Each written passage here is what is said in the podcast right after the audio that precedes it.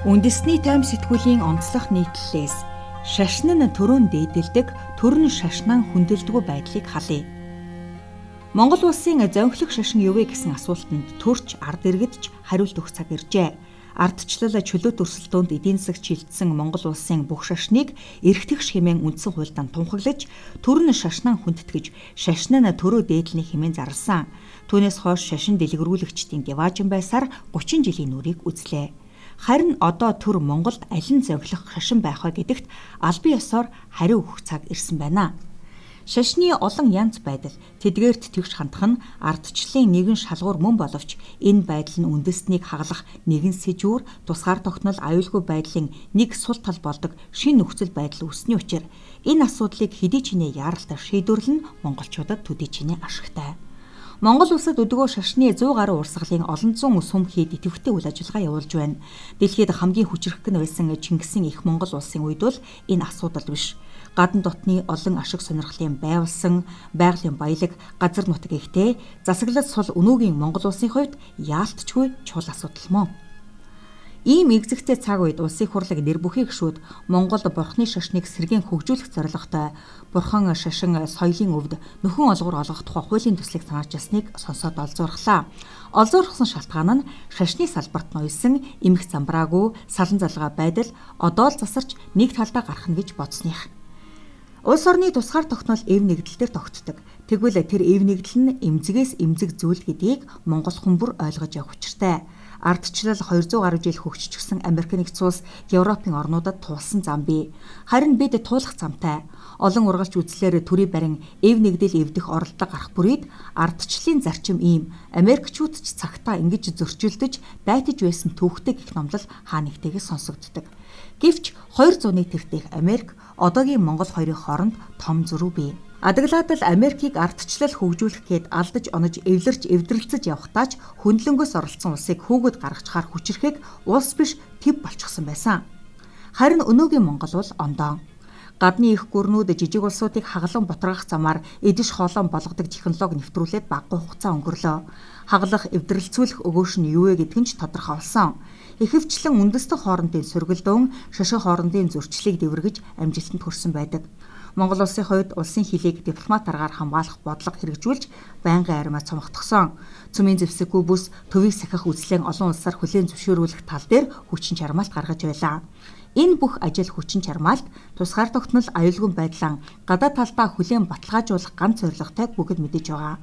Тэгвэл гадагшин анхаарч байх хооронд дотооддоо тодорхой зай онгоогоод үлдчихсэн байна.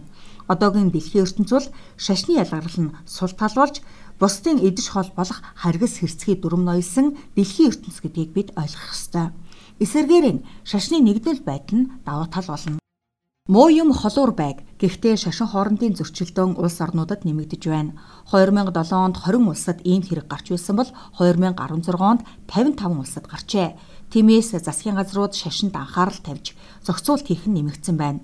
Харин манай улсын шашинд хандах хандлага дэлхийн аль ч улсад байхгүй зөөлөн. Хүссэн хүн бүр хүссэн шашнаа шүтэх хэрэгтэй. Тэгэхээр нэгдмэл байдлыг яаж хангах хэрэг вэ? Энэ тохиолдолд нэг талаас үндсэн хуулиар баталгаажсан шашин шүтэх, эс шүтэх эрхчлөө. Нөгөө талаас үндэсний эм нэгдэл аюулгүй байдлын асуудал сөхөгдөнө. Монгол улс шашин шүтлэхийн тал дээр дэндүү гэмээр эрхчлөөтэй улс. Тэмч учраас эсэн бусын шашны урсгалууд гаднаас чөлөөтэй орж ирж их хэмжээний мөнгө цутхан хүч нөлөөгөө нэмэгдүүлж байна. Шашин шүтлгээр нь харвал улсын хурал засгийн газрыг ч алаглуулах хэмжээнд хүрээд байгаа шашны ялгарлыг бид зогсоох ёстой. Өөрөөр хэлбэл үндэсний ийм нэгдэл аюулгүй байдлаа сонгох ёстой юм. Мэдээж үндсэн болон бусад хуулиудаа шашны талаар олон эерэг заалт оруулж өгсөн ардчилсан Монгол улс бусад улсууд чиг аль нэг шашныг хориглох нь хууль бус. Тэгэхээр хүн амын дийлэх хоолойхон шүтдэг нэг шашнаас сонгоо авч зөөлөн хүчээр нөлөөг нь өсгөх нь хамгийн зөв зам юм. Манай улсын хувьд энэ шашин нь буддын шашин болж байна. Шашин нь ямар байх нь ер нь хоёрдугаар асуудал. Гэхдээ янз бүрийн шашин хөгжүүлэх зорилгоор оруулж ирж байгаа цент болгоны цаана тодорхой ашиг сонирхол байгаа гэдгийг л бид ойлгох ёстой. Нийгмийн ухамсарыг шашнаар дамжуулж дээшлүүлэх нь Улс оронд дэг журам тогтвортой байдлыг хангахад нийгмийн төлөвшил ойлголцлыг илэрхийлдэг нийгмийн харилцааны баялагийг бүрдүүлэх явдал чухал байр суурь эзэлдэг. Дэлхийн нийтийн жишгээс харахад ямар нэгэн үзэл баримтлал доор нэгдэж чадсан үндэстэнд нийгмийн ухамсар, иргэний ёс зүй өндөр байдаг байна. Ард түмний оюун санааг нэгтгэж байгаа тэрхүү үзэл баримтлал нь улс төрийн цэгц номлол юм уу шашин байх нь гол нь биш гагцхун үргээ бүцтгэж нийгмийн ёс зүй ухамсарыг тогтмол дээд түвшинд барих нь л гол. Гэхдээ практик дээр дийлэх усад шашин энэ үүргийн гүйцэтгэдэг байна. Өөрөөр хэлбэл шашин нь хувь хүний ухамсар, ёс зүйн хэм хэмжээг тогтоох замаар нийгмийн ёс зүйг өргөж өгдөг ажээ. Өмнөх нийгмийн үед шашны нийгмийн ухамсарт гүйцэтгэх үүргийг үгүйсгэж огт хэрэггүй зүйл мэтэр сурталчилдаг байлаа тухайн нийгмийн голч онол болох Карл Марксыг шашин бол ард түмнийг мухруулагч хар тамхи гэж хэлсэн мэдээр гүтгэж сүм хийдийг төвийн устгаж лам нарыг алж хятдаг байлаа. Өнөөдөр Монголын нийгмийн ухалсаар асар доройтож мөнгнөөс өөр үнд цэвэлгүй болж эд баялагийг олох нь гол яаж болох нь чухал биш гэсэн мунхаг дачаал ноёлох хандлагатай болжээ.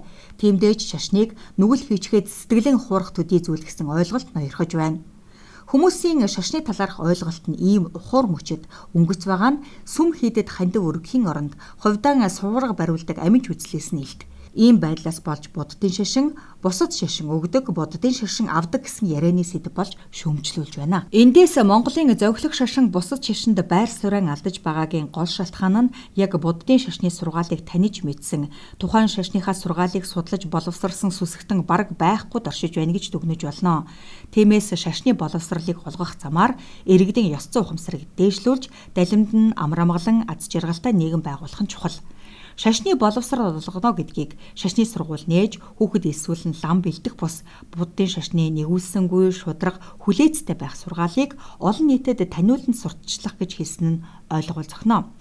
Өнөөдөр нийгэмд олныг сочиж дууссан хэрэг байсгээд л гарч байна. Энэ бол магадгүй сүүлийн 30 жил бидэнд марксизм, ленинизмыг орлуулчих, нийгмийг нэгтгэн зангидах нэгдмэл үзэл баримтлалгүй явж ирсний үр дагавар гэж харж байна.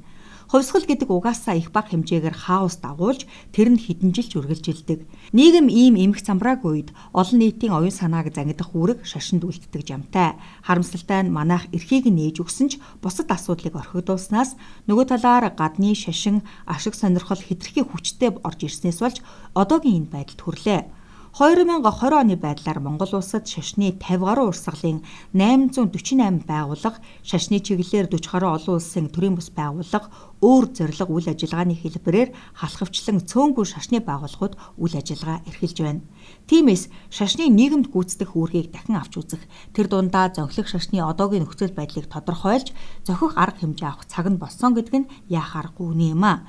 Шашин бол хүн төрлөختний бий болгосон соёл ухамсар гоо зүй, гүн ухаан, ёс суртахууны хэм хэмжээтэй хүн холбоотой байдаг. Арман хар нүгэл зовлонгийн шалтгааныг мэддэг хүн хүслээ эс төвчин балмад хэрэг үлдэхүү гэдэг талаас нь харж шашны сургаалыг зөвөр таниулан сурчилж чадвал нийгэм одоо байгаагаас хамаагүй амар тайван болж ёс зүйн хэм хэмжээ өндөрснө гэдэгт эргэлзэхгүй байна. Хүн алж болохгүй, ламыг алж болно. Манайхан 1937 оны их хэлмэгдүүлэлтийг ярихаар эвийн минь хөөрхийн минь төр уучлалтгүй нөхөн олгор өг гэдэг. Энэ ёсоор уучлалт гуйж арг эрдэн нөхөн олгор өгөх ажил яваад дуусчихсан. Гэтэл хамгийн их хохирсон хэсэг болох лам нарын асуудал ярихаар Монгол Ардын нам уучлалгүй, Монгол Ардын нам нь нөхөн олгороо олгоно үзгийх маягтай. Үнэн дээр бол малчин ардч бай, улс төрийн албан тушаалтанч бай, ламч бай бүгд л адилхан хүн лам нарыг хилмигдүүлсэн асуудалд хандаж байгаа энэ байр суурийг харахаар ер нь лам хүм мөн үү гэж асуумаар болдгийм. Монголын төр уучлал гуйхтан хүртэл улс төрийн хэл сэргээр хилмигдэх стэс гэж тодтогч байгаа нь ухта хүн алж болохгүй ламыг алж болно гэж байгаа мэт санагддаг. Монгол улсын үндсэн хуульд төрөн шашнаан хүндэтгэж шашны нь төрөө дээдлэнэ гэж заасан бэ. Гэвч үйлдэлээрээ Монголын төр шашны зүтгэлтнүүд болох лам нарыг хүн биш гэж үзээр л байна. Эргэлтийн цэг буюу сонголт хийх мөч Одоо Монгол улсад шашны хүн ам зүйн нөхцөл байдал ямар байгаа нь тодорхойгүй. 2010 оны буддын шашинтнууд хүн амын 53%-ийг эзэлдэг гэсэн тоол байна. Монголчууд буддын шашинтай гэдэгч атеистууд буюу шашингүй үзэлтнүүд ихтэй, бусад шашин тэднийг унлан их хөрөнгө хүч хаяж, сүсгтнүүдийнхээ тоог өрчимтэй нэмэгдүүлж байсан зэрэгс харвал одоо шашны салбарт буддын шашин бусад шашны хүчний харьцаа ойртож, эргэлтийн цэг буюу хинийн хэнийг вэ гэдгээ үзэх цаг ойрцсон бололтой. Магадгүй бололтой гэж тодорхой тоо баримтгүй өвчиж байгаа нь бидний эмгэнэл. Энэ талаар тодорхой судалгаа хийлгүү зөнд нь орхисны гайч байж мэднэ. Ямар тач Христ буддын шашин шүтгсдийн харьцаа ойролцоо төвшөнд ирсэн бөгөөд энэ нь аюулгүй байдлын хувьд маш эрсдэлтэй үедээ очсон гэсэн үг. Энэ байдлыг засаж нэг зөнгөлөх шашинтай болох ёстой. Ингэхдээ тайван замаар хуульд нийцүүлж хийх ёстой юм. Тиймээс улсын хурлын гишүүд буддын шашинд хөрөнгө оруулалт хийх хуулийн төсөл санаачилсан нь жаахан оройтсон ч гэсэн зөв болох юм гэж харж байна. Босод шашинд бол сөсгтнүүдийг ертөнцийн эзэн жинхэнэ эцэг гих зэрэг дээд хүчинд итгэж тэдэнд үйлчлэхийг тулгадаг бол буддын шашинд нүгэл үлдэхгүй л бол сөсгтнүүд өрстөн ариусч бурхан болох боломжтой гэж сургадаг. Дорны бидэнтэй үзэл санаа соёлын хувьд ч илүү ойр юм. Мэдээж биднээс өндөр хөгжилтэй ханш өндөртэй мөнгөөр санхүүжигдэж байгаа шашнуудтай өрсөлдүүлэхэд тодорхой хөрөнгө шаардах нь ойлгомжтой. Гэхдээ 3 дахь улсын шашин ялж мандвал Багдад эдийн засгийн эрх ашиг цаашлаа тусгаар тогтнол аюулгүй байдал эрсдэлд орох нь тодорхой учраас энэ тал дээр бооцоогоо өөрийн талд тавихаас өөр аргагүй төрсөн гэж бодноо. Тэрхүү бооцоо нь бурхны шашин соёлын хувьд нөхөн олгор олох тухай хуулийн төсөл гэж харж байна.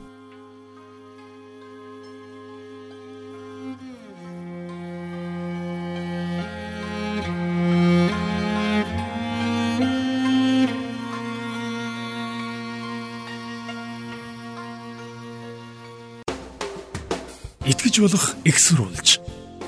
Игэл радио 91.1